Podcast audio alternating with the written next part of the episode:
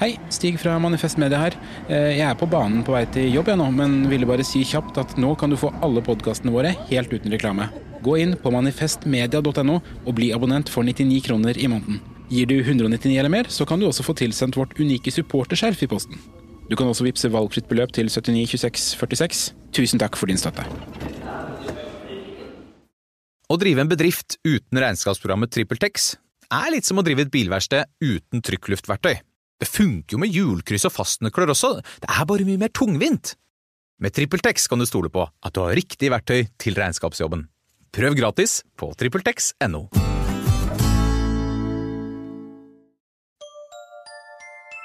Liker du denne podkasten? Manifest Media er folkefinansiert, og vi er derfor avhengig av din støtte. Vips valgfritt beløp til 79 26 46, eller gi et fast månedlig beløp på manifestmedia.no slash supporter. Liker du denne podkasten? Manifest Media er folkefinansiert, og vi trenger støtte fra folk.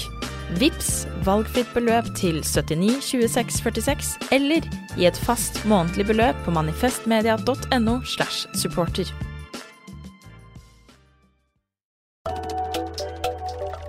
Økotrim med Linn Stalsberg og Kalle Mone. Hvis eh, du tenker etter, så er det jo sånn at når vi sitter rundt et middagsbord med venner eller med familien på julemiddagen og snakker om livene våre, så skjønner vi jo ganske kjapt at vi lever ganske ulike økonomiske liv, ikke sant. Noen snakker om en ferie som du veit at du aldri i verden hadde hatt råd til, eller noen skal pusse opp et hus som, eh, som for lengst har vokst forbi din egen lille leilighet. Så vi sitter jo der med helt ulike inntekter og helt ulike muligheter til å arve. Noen arver masse, noen arver ingenting. Og hvis vi tar denne ulikheten da, mellom oss økonomisk sett i et globalt perspektiv, så er jo ting mye, mye verre. Selv om det er tett på fordi den genseren du har på deg akkurat nå, f.eks., eller eh, buksa di, den er jo sannsynligvis sydd og laget av mennesker som ikke har de samme levekårene som oss. Så disse ulikhetene globalt, de er eh, groteske, og de er eh, like groteske som rikdommen til de få og den fattigdommen til de mange, da. Som blir innbakt i et sånt ulikhetsperspektiv. Og dette her veit vi jo, vi veit at ulikheten er der, og at den øker. Og dette her skyver vi litt bort, for det kan virke litt sånn umulig å gjøre noe med. Eh, akkurat som om økonomien har sitt eget liv, og at politikerne ikke evner å gjøre noe med det, selv om de bruker fine ord da, for å si at de ønsker mindre ulikhet og mer rettferdighet. Så i dag så spør vi eh, hva, hva er ulikhet egentlig, og hvorfor er det sånn? Må det være sånn? Hva gjør ulikhet med oss som mennesker og som samfunn, i et samfunn?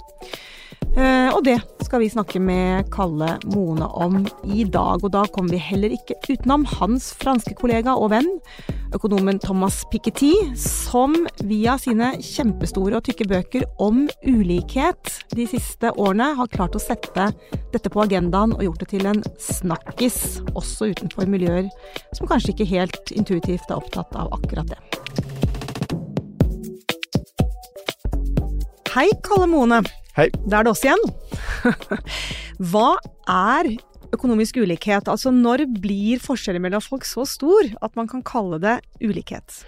Uh, ulikhet er ikke én ting, det er mange ting. Det er ulikhet i inntekt, ulikhet i disponibel inntekt, ulikhet i lønn. Det er ulikhet i, uh, mellom grupper, f.eks. kapitaleiere og lønnsarbeidere. Det er mange aspekter av at det er forskjeller. Så Det grunnleggende begrepet i ulikhet det er forskjeller. At en forskjell mellom en som tjener 7 millioner og en som tjener uh, 700 000, det er forskjeller på en slags oppsummering av alle disse forskjellene i samfunnet. Og så er det liksom skalert på en sånn måte at du kan måle det med noe som ligger f.eks. mellom et tall mellom 0 og 1, den såkalte Gini-koeffisienten etter en italiensk statistiker. Fra. Dette er ganske vanskelig, det siste du sa der. Man hører det blir sagt rett som det er. Så jeg har uh, juksa litt, jeg, uh, før denne episoden. Og prøvd å skjønne dette sjøl, sånn at jeg kan forklare det til dere som hører på, da, før vi går videre. Fordi det er litt viktig å skjønne hva Gini er, og det er en måte å måle inntektsulikhet på innenfor et land, f.eks., eller innenfor en befolkning. Um, og det kan jo være komplisert, men det man ser på er egentlig ganske enkelt hvor mye inntekt og formue som totalt sett finnes i landet. Og deretter skal man forstå hvordan dette er fordelt i befolkningen. Dersom et land har en Gini-koeffisient på null, så betyr det at alle i landet har akkurat like mye inntekt og formue. En såkalt perfekt likhet. Mens en Gini-koeffisient på én betyr at én enkelt person har all inntekt og formue i landet. Og dette kalles jo da naturlig nok perfekt ulikhet. Eh, her i Norge har vi f.eks. en Gini-koeffisient på rundt 0,26, men Sør-Afrika er helt i andre enden av skalaen med en koeffisient på rundt 0,62. Mm. At dette har betydning for mye hvordan både samfunnet er, i stort og smått, og hvordan verden er. Mm, så litt den derre gamle, gode 'penger av makt', eh, det ligger innbakt i mye av det du sier nå, ikke sant? Eh, eh åpenbart. At jeg er helt enig. At det, det er eh, viktig for, for, dette. Men også at, at penger også er en eh, det er også en grunn til å bli sosialt akseptert, beundret. Dette er ting som folk bryr seg om, eller sett ned på, eh, neglisjert, eh, teller ikke. Det er veldig ofte knyttet til rangeringen du er innenfor et land, innenfor inntektsfordelingen, og hvor stor forskjell det er mellom topp og bunn mm. i, i i forskjellige samfunn. Det har jo blitt eh, litt sånn eh, moderne nesten å snakke om ulikhet og bry seg om ulikhet. Det er i hvert fall en debatt som kommer veldig ofte i mediene og i, i samtaler mellom folk. Ja. Og da hører man sånne ting som ulikheten øker. Det har vi hørt i mange år. Mm. Eh, Stemmer det med, med, det, sånn som du ser det? Ja. Det, ulikheten, så å si samme hvordan du måler det, så har det økt kraftig eh, i verden, særlig fra 1980 og, eh, og fram til i dag. Eh, I Norge går det I noen perioder i Norge innenfor denne 40-årsperioden fra 1980, eh, så går det ikke så fort som det gjør i andre perioder. Eh, og, og, noen av hvor raskt uh, økningen i ulikhet er, det kan være litt avhengig av hvordan du måler det. Men jeg tror det er helt enige om alle som er interessert her, at, at det er en økning i ulikhet eh, fra i noen land fra 1960-, 70-tallet, men i, i nordeuropeiske land særlig fra etter 1980. Kan du si noe om hvorfor det skjedde akkurat da? Det, det, det, er akkurat å finne liksom året det snur. I noen av de undersøkelsene vi har gjort, så er 1986 et år som uh, ser ut til å, å, snu litt. Grann. Men jeg, jeg, tror ikke en skal legge så stor vekt på akkurat året. Men det er en, det er en kombinasjon av det er en kombinasjon av på en måte fristilling på boligmarkedet. Det betyr dette at en, en arver mer. Etter hvert som det, det er fristilt på boligmarkedet, så kan en, en, arve mer. Og det er veldig stor forskjell om en har bestemor på, på Frogner i Oslo, eller om en har bestemor på Finnsnes eh, i Troms. Eh, selv om begge stedene begynner på F, så betyr ikke det at, at verdien av bestemors bolig er den samme. Og dette er enorme forskjeller. Det er ingenting ved ved lønnsoppgjørene som kan liksom konkurrere med de forskjellene som skapes f.eks. gjennom arv. Så det er én ting at et frisleppe på boligmarkedet gjør at det er noe mer kapital som arves, og det betyr noen ting. Samtidig er det et, et, samspill, tror jeg, mellom uh, lønnsdannelse og politikk, som i noen land har vært uh, ødeleggende. Vi hadde en lang periode fra eh, slutten av annen verdenskrig, altså fra 1945 og fram til la oss si da 1980-tallet, der du presset mer og mer lønnsforskjellene sammen. Eh, mens eh, det har vært ikke i samme grad tilfelle etter 1980. Eh, og Noe av grunnen til at det er mer konkurrerende fagforeninger, en har mer eh, høyere utdannet arbeidskraft som ikke har lyst til å inngå i samme solidaritetspakke kanskje som de andre. Og det er Små økninger i, i ulikhet kan da smitte over på andre ting, f.eks. at en ikke i samme grad støtter en sjenerøs velferdsstat, støtter skattepolitikken sånn som den har vært. For en begynner å få litt forskjellige interesser i, innenfor det som blir definert stor som arbeidende folke, eller hva du vil. Men kan man også si at det skjedde et sånt annet skifte samtidig på 80-tallet, som et skifte vi fremdeles lever litt i, da? At det å være rik, eksempel, ble veldig greit. Ikke sant? Det skulle være lov å tjene penger. Eh, greed is good, som vi lærte fra Hollywood-filmene, sant. Kredittkortene kom. Så vi slapp å spare til en ny sofa, vi kunne kjøpe den med en gang. Eh, og le vi lever jo litt i dette enda, med sånn dyrkingen av kjendiser og nydelige Instagram-bilder og sånn. Jeg tror disse tingene kom i et samspill med endringen i ulikhet, at de var selvforsterkende på hverandre. Eh, så jeg tror ikke det var liksom at plutselig kom liksom kredittkortene, og så ble det sånn. Eh, jeg tror disse tingene Når det blir forskjeller på folk, så er det også forskjeller på hvilke behov en har i finansmarkedet, hvordan en, en vil te seg på forskjellige områder, så blir det eh, litt mer populært å vise frem det utstilte forbruket. Ha en, en, en dyr bil, reise på dyre ferier. Det er måten en signaliserer at en, en har gjort det bra. Uh, og det er nok et element av dette. Torsten Webelen, den norsk-amerikanske økonomen, var en av de første som så på disse tingene. Men du finner spor av dette eh, forut for han også. det eh, du finner også langt tilbake i 1700-tallet i økonomi. Eh, en, en, som er ofte glemt i den sammenhengen, er en som blir kalt for Daniel Defoe. Som, eh, han som skrev eh, om eh, Robinson på den øde Han er økonom. Og det er gått litt forbi radaren til mange. Han er økonom så veldig mange tingene han var opptatt av, eh, f.eks. i Robinson Crusoe, er for å illustrere økonomiske sammenhenger. Men han var også veldig opptatt av forbruket til folk. Hvordan forbruket signaliserte hvem en var.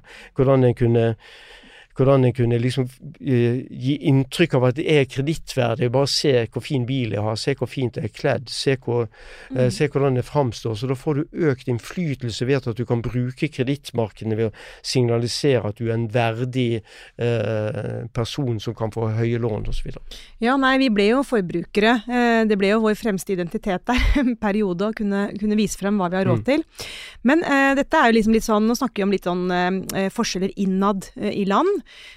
Men hvis vi ser globalt på det eh, Tradisjonelt så har man tenkt seg at forskjeller er jo mellom land, sant. Og så hører man de siste årene sånne ting som at jammen i Kina og India så kommer det ny middelklasse og Så hvordan, hvordan er det egentlig nå mellom land og økonomisk ulikhet der? Jeg tror det viktigste geografiske som har skjedd, er at store land har hatt veldig høy økonomisk vekst. Det typiske er Kina og eh, India. Over, I begge land så overdrives veksten litt, men eh, la det være et tema for siden, kanskje. Men la oss si at vi er enige om at, at den økonomiske veksten har vært høy. Da betyr det, siden disse utgjør så mye av verdens befolkning, at du regner liksom Kina som en observasjon, og, og India som en observasjon, og så legger du vekt på dette i, i, tråd med hvor stor del av befolkningen i verden som bor i disse landene, så ser det ut som forskjellene mellom land blir mindre. Men vi er jo ikke interessert i forskjeller mellom land, vi er jo interessert i forskjeller mellom mennesker i verden. Og i samme periode så er det nokså klart at det har økt. For eksempel så øker jo forskjellene innad i Kina, de øker forskjellene innad i India øker, sammen med den økonomiske veksten. Det typiske er at det er store grupper som ikke tar del i veksten innad i de landene, eh, slik at forskjellene øker. Antall milliardærer i, i Kina øker eksponentielt. Eh, det er også antall superrike i India skjer, er på nesten samme måte som i, i, Kina. Ja, for det lurer jeg nemlig på. For når vi snakker om ulikhet, så tenker jeg at mange automatisk tenker på de fattigste. Ikke sant? Altså at, uh, at dette er veldig dumt fordi at det er flere som blir fattige, eller de fattigere blir enda fattigere. Mm. Men ulikhet betyr også at noe skjer i den andre enden. Så er det det at det sprik i begge ender går lenger ut enn før, eller er det én side som Altså, det, det, det, er noen som drar ifra. Det er det som er, skjer med Altså, inntekter går lettere opp enn ned. Så, så det, det, er liksom de rikeste som drar ifra. Men, men det er jo ikke Da skulle en tro ja, kanskje alle får det litt bedre så da er ikke det så farlig.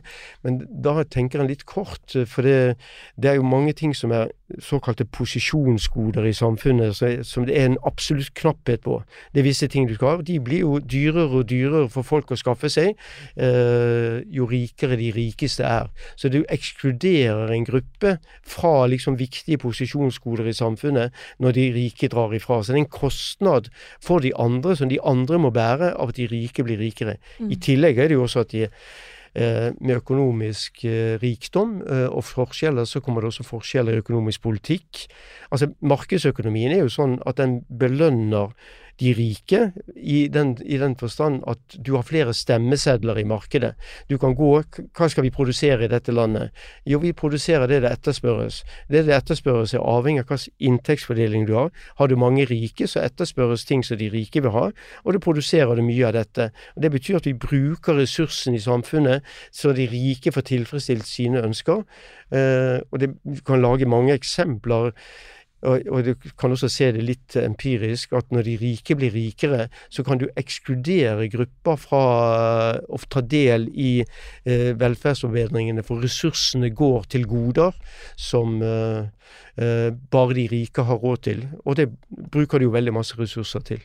Vi skal snakke litt mer om, eh, om makt eh, i del tre av denne podkasten, men vi må liksom kjapt innom eh, det nå også, fordi er det, altså I og med at det er mulig da å bli så innmari rik som noen blir, eh, og flere blir det, ettersom jeg forstår deg riktig, eh, så må det jo være et system som legger til rette for det. De gjør jo ikke noe ulovlig, disse superrike, gjør de det? De følger vel bare systemet i det samfunnet de lever i? Som kanskje som en hovedregel, men du kan se f.eks. hvis vi nå snakker vi om India, et land jeg kjenner ganske godt til der vil du se at, at, de som blir fortest rik i India, er ikke de som konkurrerer på verdensmarkedet. De blir ikke fort rik. De som blir fort rik, det er de som er skjermet for internasjonal konkurranse og det er en måte å tolke det på, er at de har de beste politiske forbindelsene. De har uh, muligheter for å ikke akkurat uh, bestikke seg opp til rikdom, så de, kan de i hvert fall uh, bøye litt på regler og tolke det til sin favør. Så er, i de fleste land så er det lettest å bli rik innenfor skjermet aktivitet.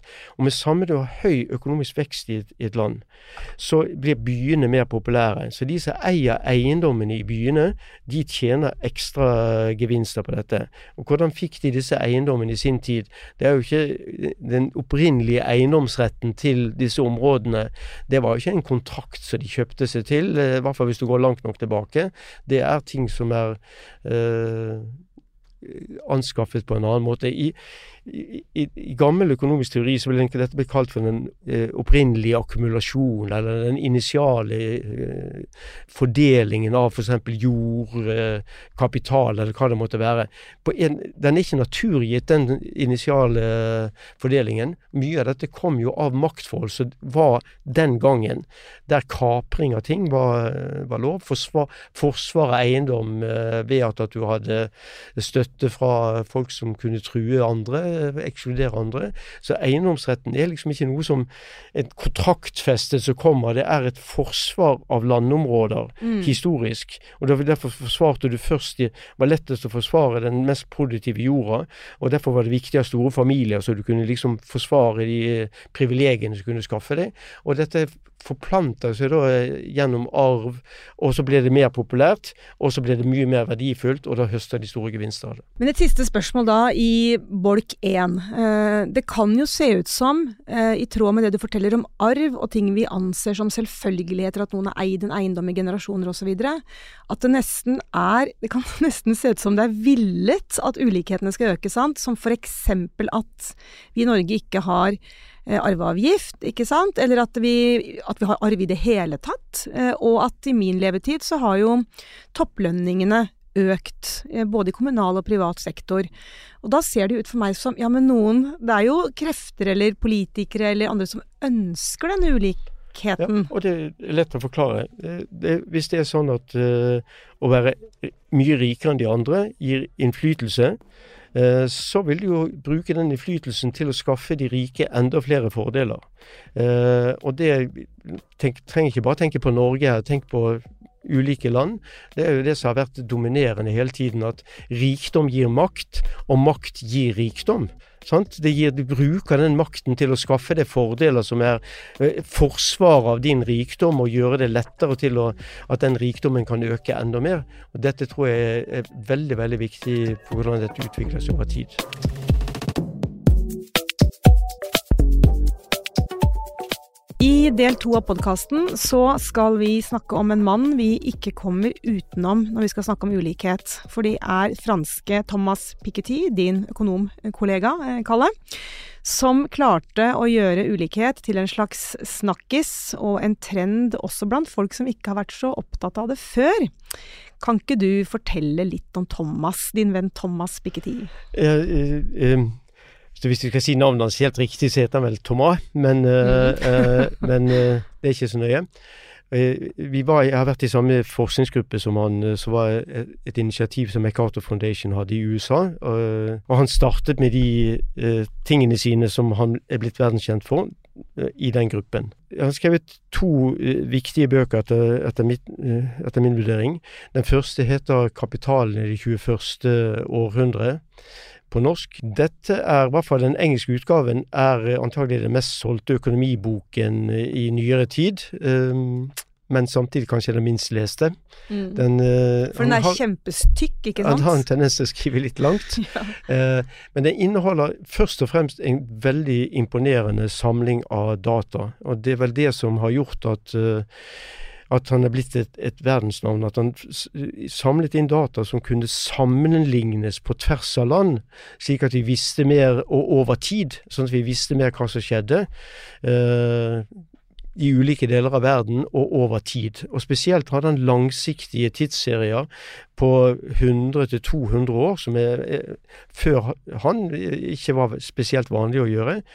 Hans viktigste, hvis du skal si det som han fant ut, det er det at uh, ulikheten for 100 år siden, måten han måler det på gjennom den andelen av samlet inntekt som går til de f.eks. 1% rikeste eller 10% rikeste. Hvis vi ser på den hvordan det går med den andelen over uh, en hundreårsperiode, så synker den først, uh, og så stiger den etterpå. Så det er en slags, en slags U-form, denne kurven. og det, det var en, en, viktig ting å vise, at den først falt. Den falt i forbindelse med verdenskrigene, første og andre verdenskrig, der du ødela en del formuer, og det var ikke så lett å bygge de opp igjen, for dette var skattesystemet mer progressivt, som du fikk etter krigene, for bl.a. å finansiere gjen, gjenreisningen i, i, de landene som var, hadde deltatt i krigen. Så det var hans hovedmelding, at vi, vi er på vei tilbake igjen til det gamle samfunnet som var veldig inegalitært osv. Så, videre. så viste han dette for forskjellige land. Det var ikke like sterkt overalt. Dette er det som er interessant uh, i det han gjør. Det er en del ting uh, å diskutere selvfølgelig med alle sånne store empiriske arbeider, uh, men dette er det, dette er det han, bør, vi, han bør få applaus for. Han trakk oppmerksomhet helt i riktig retning til å se på forskjeller, og se på hvordan de rike eh, dominerte ulikhetsutviklingen i 100-200 års eh, periode. Men traff han litt eh, tidsånden på en måte, eh, med denne ulikhetsagendaen sin? Ja, for hvis han har rett, eh, eller hvis de som vi som er interessert i ulikhet har rett, så økte ulikheten, og da er det jo dette noe som interesserer folk folk.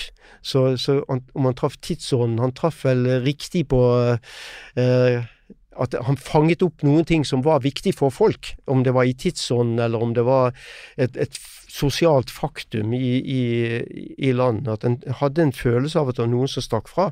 Mm. Var det ikke sånn at han også var opptatt av dette med at arv og formue hadde mer å si inn en inntekt, og at han da bryter litt med den derre alle kan bli rike hvis de vil, eller hvis du bare arbeider hardt nok, ja. og ting som, som han kanskje dette, håpet å få sant. Ja, så det, her vil jeg jo si at han gjentok ting som i og for seg var kjent fra før. At, uh, at uh, like muligheter er en litt illusjon. Uh, han, det, det, viser han veldig klart i, i arbeidet at arv betyr mye. Du nevnte tidligere at, at Norge ikke har arvegift. Det som vi av og til glemmer å si, at, at Norge er veldig spesiell ved at det ikke har arveavgift. Det, det, det, dominerer er at vi har at europeiske land, f.eks., som er naturlig sammenlignelse med, har arveavgift, mens uh, Norge Men hvorfor, eh, bare for å, vi må ta en liten sånn bi, ja. biforklaring på det, hvorfor avskaffet Norge arveavgift, og hva var liksom argumentet for? Uh, altså Argumentet for å ha like muligheter, at en, det skal ikke bety noe hvem som er dine foreldre. Det er jo et, et rettferdighetsargument uh, som er eldgammelt innenfor sosialdemokratisk argumentasjon. altså det, det, typiske for 100 år siden eller mer, det var jo at, at de ville ha 100% arveavgift. Det skulle, mange av sosialdemokratiets uh, forkjempere i Tyskland f.eks. var veldig opptatt av 100% arveavgift.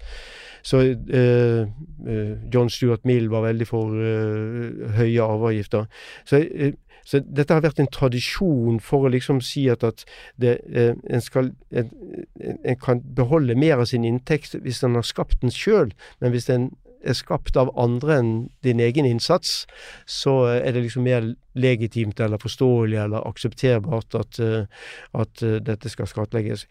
En grunn til at den ble avskaffet i Norge og Sverige, er at vi hadde et dårlig system for arveavgifter. Innslagspunktet var altfor lavt. Hva, hva, betyr det? Innslagspunktet? innslagspunktet betyr hvor tid begynner du å betale eh, skatt på arv. Altså, sånn som jeg ser det, kunne fritaksbeløpet for det du kunne arve uten å betale avgift, det kunne godt være veldig høyt. For meg kunne det godt være ti millioner. For det viktigste, det viktigste med arveavgiften er å forhindre at du bygger opp store familieformuer. Og etter hvert som boligprisene økte her, så er det jo flere som arver noen ting som eh, er syv-åtte millioner kroner. Hvis det er en Obos-leilighet eh, f.eks. i Oslo, hvis du arver en Obos-leilighet, så arver du en syv-åtte prosent. Og da får du et, at det er veldig lett for de aller rikeste å få et flertall for, for det rammer jo også folk som er helt alminnelige folk, å få en flertall for å avskaffe arveavgiften. Eh, Eh, helt og holdent, mens det en egentlig burde gjort, er at en burde endret det som jeg kaller for innslagspunktet, altså fritaksbeløpet. Det var det en skulle ha gjort. En skulle økt uh, satsen og økt det punktet som var fritatt for uh, alle, alle, arver under dette punktet. For å runde tilbake til vår venn Thomas Ja, ja. som har lært meg at han heter. Um, hva er det han vil, da? Altså Har han et prosjekt bak å være kritisk? Hva, hva vil han med økonomifaget sitt? som kan, kan gjøre noe med ulikheten? Uh, ja, Det er alltid litt vanskelig å svare på sånne spørsmål, for jeg, jeg har jo ikke vært inni i hodet hans. Men han forfølger jo et interessant og viktig spørsmål, så han vil vel få en klarhet i, i dette spørsmålet. I tillegg er han kanskje også en liten Han har meninger. Uh, så han er jo kanskje en av de som har vært ivrigst på at vi må ha et mer internasjonalt skattesystem. At vi må skattlegge formue mer enn vi har gjort uh, tidligere. det er jo ikke akkurat musikk i ørene til overklassen i Norge som syns at de ble rammet veldig hardt. Men det er det han har gått inn for historisk. Jeg, vil si at det er litt kritiske deler av Pikettys analyser. Litt grann fordi at han han um, legger for liten vekt på det som er sosial organisering i samfunnet, for samspillet mellom økonomi og politikk. Det er akkurat som han stoler for mye på at skattesystemet skal gjøre dette. Men det er ikke noe land som har innført noen skattesystemer som er dramatisk for å redusere ulikhet, med mindre de har hatt en sosial organisering mm. som uh, står bak dette. F.eks. fagbevegelsen, som man nesten ikke diskuterer i det hele tatt. Nei, for det, det, er interessant, for han er jo fransk, og i Fran Frankrike er det jo hardere fronter konflikter mellom fagbevegelsen og arbeidsgiveren der i Norge. Hva forstår han rundt altså Skandinavia, rundt vårt velferdssystem? Har han eh, et grep om det? Han forstår ikke det som er viktig hos oss, det er at fagbevegelsen skaper små lønnsforskjeller mellom folk. Lønnsforskjellene uten en sterk fagbevegelse hadde vært mye større. Men med små lønnsforskjeller, da hever du bunnen og holder litt tilbake på de høyeste lønningene. Historisk har vi gjort dette både i Sverige og i Norge. Det i seg selv bidrar til eh, at uh, oppslutningen om f.eks. en sjenerøs velferdsstat, eller en skattlegging av uh, finansiere fellesgoder, eller få til Eh, relativt eh, egalitær eh, helsesektor. Det er relativt må, må, Vi sammenligner med andre land, og i andre land så er vi både mer sjenerøse og mer egalitære i, i, i velferdsstaten. og det virker tilbake til at det, det styrker svake grupper i arbeidsmarkedet. Ta enslige mødre, f.eks. Det er ikke noe land i verden der enslige mødre mødre gjør det såpass bra som eh, det er i, i Skandinavia. Og det er av disse tingene her. Eh, og det er bare én gruppe, det er også andre grupper som er som dette, som, Du har den tilbakevirkning fra velferdsstaten, at velferdsstaten gir folk makt. For du kan be sjefen eh, dra åt skogen, eh, for du har råd til å miste jobben fordi at du er dekket litt, grann, i hvert fall forsikret mot noe av dette, og det gir deg makt. Det gir deg makt til å velge livsprosjekt, eller til å velge hva du skal gjøre. Mm. Jeg vil bare si til engasjerte lyttere at um, om man ikke finner det i seg å lese hele Thomas Pikettys verk, så fins hans uh, hovedteser i en tegneseriebok som man kan, kan man søke etter hvis man er interessert. I eh, del tre av denne podkasten så skal jeg begynne med å være litt privat, eller snakke litt privat, fordi at jeg kommer fra en feministisk tradisjon, og det er det vi driver med. Vi snakker om private ting. Det har liksom vært måten å endre politikken på, fordi man tenker at det politiske er privat, osv. Uh, og da lurer jeg liksom litt på det med sånn Hvis man snakker om den sånn veldig lokale uh, ulikheten da, i økonomi, før vi nå etterpå skal gå inn på det store og demokratiske, så er det jo sånn, opplever jeg, tror jeg, og jeg tror mange har det sånn, at vi snakker jo ikke med våre aller nærmeste om hva vi tjener. Vi snakker ikke med vennene våre om hva vi har i vente av arv, f.eks. Eh, og vi snakker ikke med kollegene våre på jobben om, om hva vi fikk i private lønnsforhandlinger, ikke sant.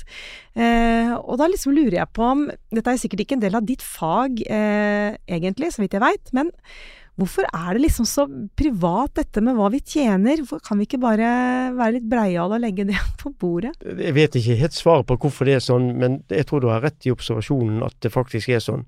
Det kan være en form for beskjedenhet i noen tilfeller. En ønsker ikke, en ønsker ikke å liksom vise dette så tydelig. Eh, og det er kanskje det også på den andre siden beheftet litt med skam at du ikke arver noen ting, eller men jeg husker jeg, et sted jeg jobbet, der var det en som sa at alle burde få lik lønn på jobben. Uh, så jeg tenkte det, ja, det var et godt forslag.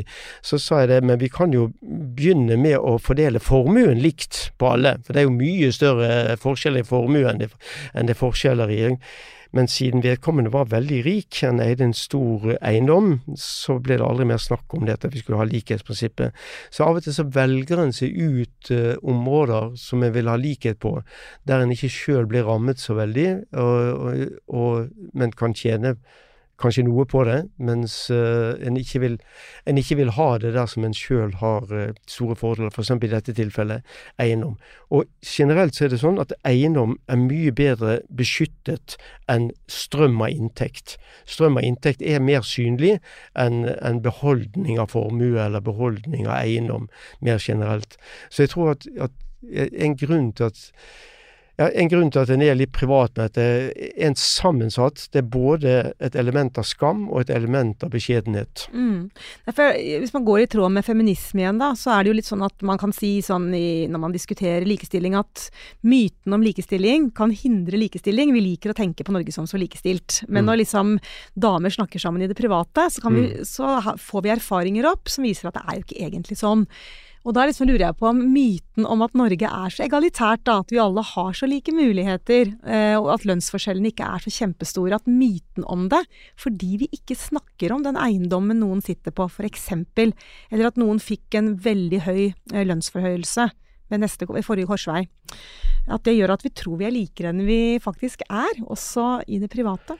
Jeg har sett en ny undersøkelse, det er ikke helt originalt, den er gjort i forskjellige land til forskjellige tidspunkter, av Elin Svarstad og Jon Reiersen.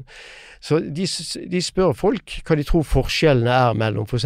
vaskehjelpen på en stor bedrift og direktøren. Og så sier folk et eller annet. Uh, og så spør de etterpå hvor stor syns du den skulle være, denne forskjellen mellom direktøren og vaskehjelpen på, på bedriften. Og da foreslår de noe som er mindre uh, enn en, en, en det de tror den er, så de syns det skal være mindre. Det som er interessant her, at som regel så undervurderer de enormt hvor store de forskjellene faktisk er. De tror de er kanskje Kanskje de tror de er tre- eller femgangen, uh, men så er det tigangen eller uh, tolvgangen. Uh, og, og, dette varierer litt på hvilken type bedrifter du ser på, men det som er den viktigste tingen jeg legger merke til, at, at folk tror at de, de syns at de ulikhetene de vet om, er for store, men de ulikhetene vi vet om, er mye mindre enn de faktiske ulikhetene. Det er det mønsteret. Det gjelder offentlig sektor, det gjelder privat sektor, det gjelder mellom forskjellige, det gjelder på sykehus, mellom f.eks. syke eh, en, en, en, en sykepleier og en, og en, administrator på sykehuset. Det gjelder igjen og igjen. Så Derfor så er det Du har helt rett. En snakker så lite om det at en ikke vet eh, om disse tingene. Og, og, og, du har, tror du også har rett i at, at at denne myten om at vi er så egalitære, forhindrer oss i å se de viktige forskjellene. Mm. For det, det, jeg lurer på om dere økonomer i det hele tatt har på, på faget deres, eller på pensumlista, det er hva eh, ulikhet, da, eh, som vi har vært innom og beskrevet nå, gjør med folks helse. Altså hva det gjør med psyken vår, stressnivået vårt, eh, humøret vårt, livsgleden. Eh, at noen bekymrer seg hver eneste måned, og mens andre kan glede seg til nok en utenlandsreise. Så er det en del av faget i det hele tatt? Ja, åpenbart. Eh, vi har hørt om det, for å si det sånn. Eh, eh, altså Helseutfall og ulikhet er veldig sterkt, eh, henger veldig sterkt sammen. Eh, du ser det eh, Ta de mest graverende eksempler. Ulikhet i India dreper. Altså Barnedødeligheten går opp i områder av India med stor ulikhet. Dette har jeg undersøkt ganske nøye sammen med to kollegaer. Anders Kjelsrud og Låre Vandervalle. Eh, men det som er interessant i, i mange sammenhenger, er at hvis du får politisk konkurranse mellom, eh, eh mellom f.eks. kandidater som har innflytelse også på helsebudsjetter til et lokale området, eller eh, finansiering av helsestasjoner, så er politisk konkurranse viktigere enn uh, ulikhet. Da eliminerer du den uh, skadelige effekten av ulikhet. På mer lokalt nivå så er det såkalte Wilkinson-hypotesen, som er, eh, folk kjenner kanskje fra en bok med Wilkinson og Kate Pickett. Kate Pickett, som er hans kone. Uh, den heter vel Ulikhetens pris? Ulikhetens pris på norsk. Den heter noe helt annet på engelsk, men det husker jeg ikke. Som jeg har lest, det er, en, det er en interessant bok, men den har etter mitt vurdering litt svak empiri. Den, den ser liksom på mye av sammenhengen mellom helseutfall, stress, uh, overvekt uh, en, en, rekke ting som er regnes som dårlige helseutfall, og at det er mer overrepresentert i samfunn med stor ulikhet. Jeg tror forklaringen på dette er en annen enn de tror. Det er det at, at gode samfunn har gode institusjoner. Gode institusjoner leder til mindre forskjeller, og til bedre helsepolitikk, sånn at, det ser ut som det er ulikheten som skaper disse tingene, mens det kanskje er institusjonene. I, for, for, politikken er det ikke så veldig stor forskjell på disse tingene, men det er viktig at det, at det endres gjennom politikken, og at det endres gjennom de institusjonene eller ordningene som, som en har i samfunnet. Det, det syns jeg er en, en viktig politisk uh, melding, som ikke Wilkinson og Pickett uh, diskuterer mye. Mm.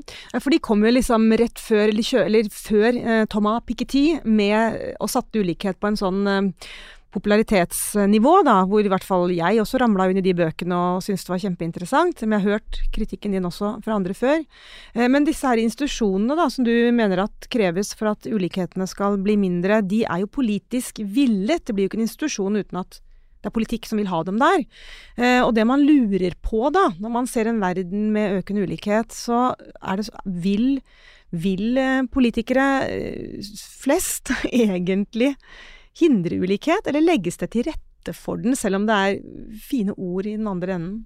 Det er mye fine ord i alle ender, tror jeg, altså i, i politikken. Det som Sett utenifra, så er det jo et samspill mellom politikk og ulikhet. Så økte forskjeller, økt ulikhet, gir også mer makt til de som er på toppen. Mer makt til de som er på toppen innebærer at de legger forholdene til rette for at det skal være lettere å bli enda rikere. Det, som jeg har sagt tidligere, så at det, det er, dette er en selvforsterkende prosess. I, I, Skandinavia så var vi lenge i en, det motsatte. At vi fikk mindre forskjeller. Det ga mer oppslutning om sjenerøse velferdsstatsordninger, mer oppslutning om uh, koordinerte lønnsoppgjør, mer oppslutning om fagbevegelsen osv. Så, videre.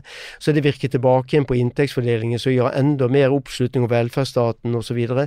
så det var en, det vi kalte for en likhetsmultiplikator. At noe likhet ga mer likhet, og så gikk det riktig vei etter midten av 80-tallet så ser det ut som det har snudd litt. Grann, at, en, at nå er det økt ulikhet gir enda mer ulikhet osv. Og, så og det betyr at, at det som tidligere var en likhetsmultiplikator, altså at dette multipliserte på seg hele tiden, at det ble mer og mer eh, likhet i, i alle fall blant vanlige folk, eh, at det har snudd til å bli en ulikhetsmultiplikator. Altså at ulikheten øker eh, fordi den forsterker makten til de rike. Og når makten til de rike forsterkes, så blir det lettere å, opprettholde det å være rik, både gjennom skattesystem osv. Nå har vi en overklasse som er, er veldig sutrende, så dette høres jo ut som vi ikke er slik, men det er lett å bli rik i Norge. Mm, det er som en spiral som går oppover og oppover. Men det som jeg eh, leste stadig vekk under koronatiden, som vi nesten har glemt, men som er jo rett bak oss, det er at de store selska selskapene i verden eh, ble enda større. At det ble flere monopoler. Dette skriver blant annet Grace Blakely, som er en britisk økonom, en sånn liten grei bok eh, om akkurat det. Og da tenker jeg to ting som jeg skulle hatt din mening om. Og det ene er disse superrike, da, som oppstår i kjølvannet av dette. Er ikke det en sånn skikkelig stor og litt skremmende demokratisk eh, utfordring? Eh, og det andre er, som høres kanskje litt rart ut, men er det ikke også i, sånn, i dette universet konspirasjonsteorier kan oppstå? Sant? Fordi du tror på demokratiet, men så skjer det andre ting, fordi makta egentlig er et annet sted. Ja, Litt sånn stort spørsmål, men, men tenk gjerne høyt. Ja, altså, først må jeg si at det, meningene mine er ikke spesielt interessante. Det er interessant hvis jeg har undersøkt det noe. for jeg, er ikke noe representativ for noen. Jeg representerer ingen, så derfor er meninger ikke så, så veldig interessante. Men eh, det, noe av det som har vært sett på, er at økende ulikhet, gap mellom de rikeste og vanlige folk, et gap som øker veldig i Norge forresten. Altså, Norge er nå som USA når det gjelder forholdet mellom de rikeste 1% og resten av befolkningen, mens de 99% som er Kall det for vanlige folk, om du vil. Ehm, der er forskjellene mye mindre enn i USA. Så er forskjellene mellom den 1% rikeste og resten, det er på USAs nivå. Det betyr at de 1% rikeste har 23% av inntektene. Jeg bare så de liksom har sagt det. Jeg tror store forskjeller, stor ulikhet, skaper det som noen ganger kalles for et aspirasjonsgap. Altså du ønsker liksom å være som de andre, og så ser du liksom oppover i inntektsfordelingen. Men det, så dette, dette kan være jo bra. Kanskje du har lyst til å jobbe hardt for å bli Dette kan være drivfjæra til et godt samfunn, tror noen. Men da glemmer en at, at, at, at når gapet blir for stort, så blir dette mer til frustrasjon. Og det tror du ser veldig klart i, i, USA, at en stor gruppe fattige eller nyfattige eller folk under gjennomsnittlig inntekt, flertallet i alle samfunn tjener mindre enn gjennomsnittet. Det må vi også huske. Flertallet tjener alltid mindre enn gjennomsnittet. Og her er det blitt en frustrasjon mot fordi de ser oppover, de ser liksom denne muligheten som det ser ut til at noen har hatt.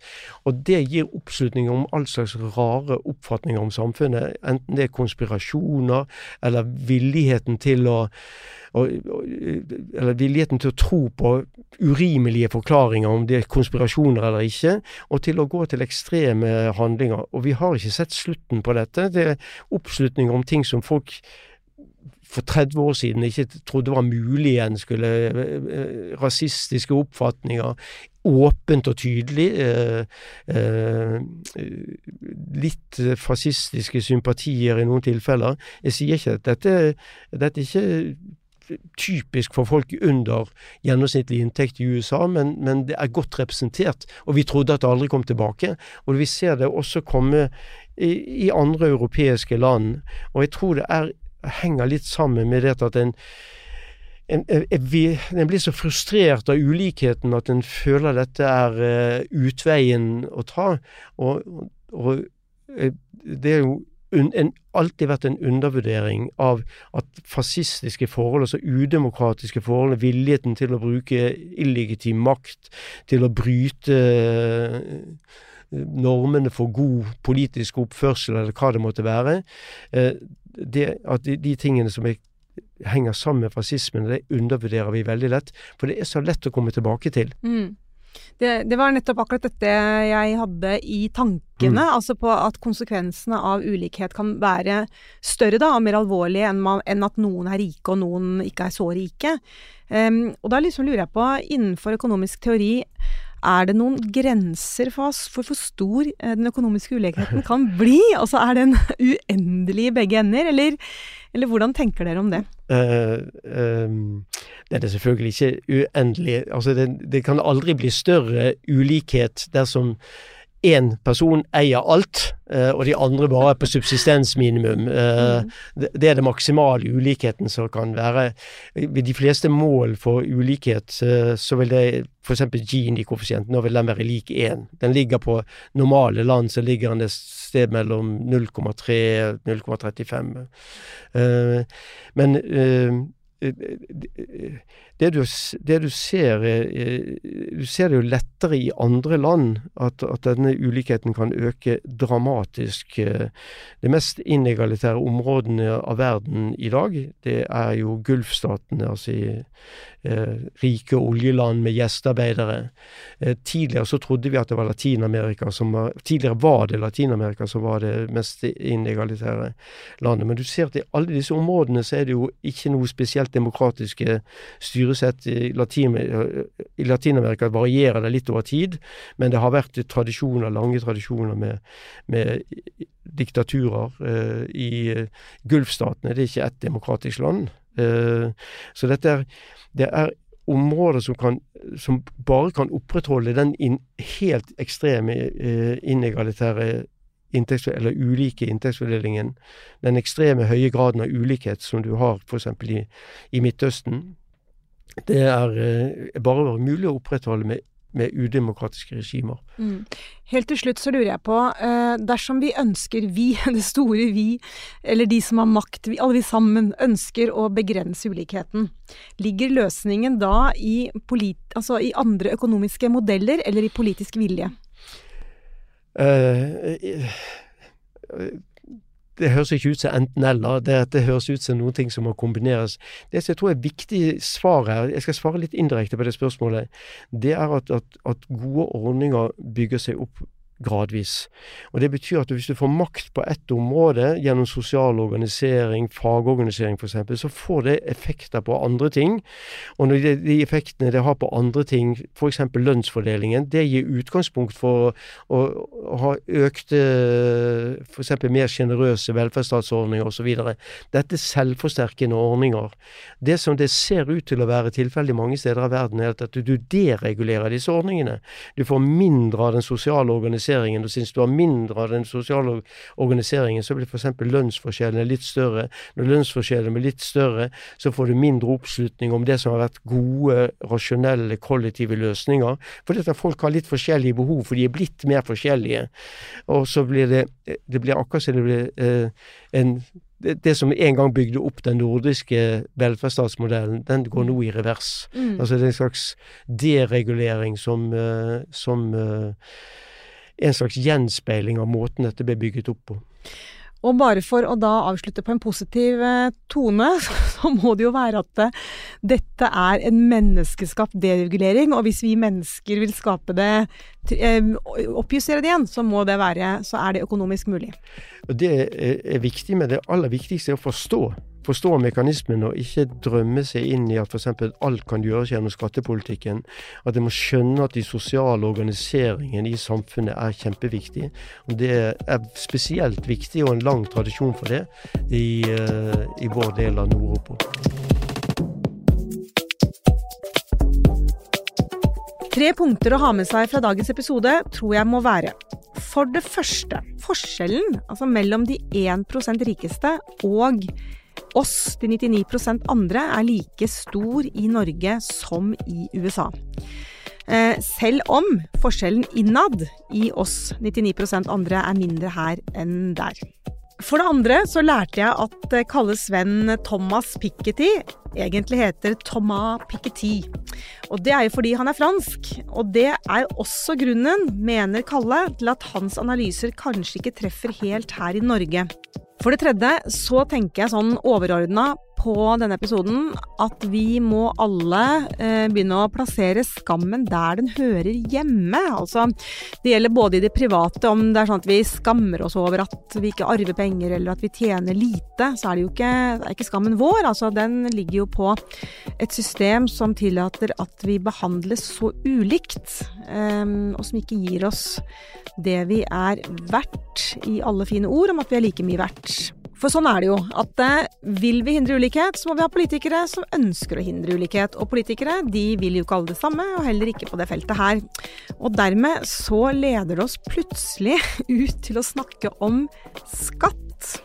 For skatt det er jo noe som i teorien skal virke omfordelende, eh, og i teorien skal bidra til at vi alle har tilgang til velferdsgoder osv., men er det sånn i praksis?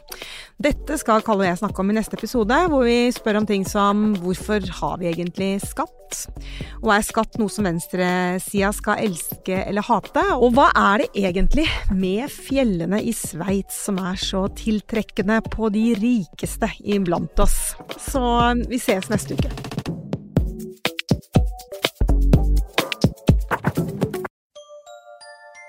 Likte du denne podkasten? Manifest Media er folkefinansiert, og vi trenger støtte fra folk. Vips valgfritt beløp til 79 26 46, eller gi et fast månedlig beløp på manifestmedia.no. slash supporter. Produsent for denne podkasten var Mikkel Kvenås. Ansvarlig redaktør er Magnus Marstad. Likte du denne podkasten? Da trenger folkefinansierte Manifest Media støtte fra deg. Vips valgfritt beløp til 79 26 46, eller gi et fast månedlig beløp på manifestmedia.no. slash supporter. Produsent for denne podkasten var Mikkel Kvenås. Ansvarlig redaktør er Magnus Marsdal. Du har hørt en podkast fra Manifest Media. Vi er folkefinansiert og avhengig av din støtte. Gå inn på manifestmedia.no og bli supporter, eller vips valgfritt beløp til 79 26 46. Ansvarlig redaktør er Magnus Marsdal.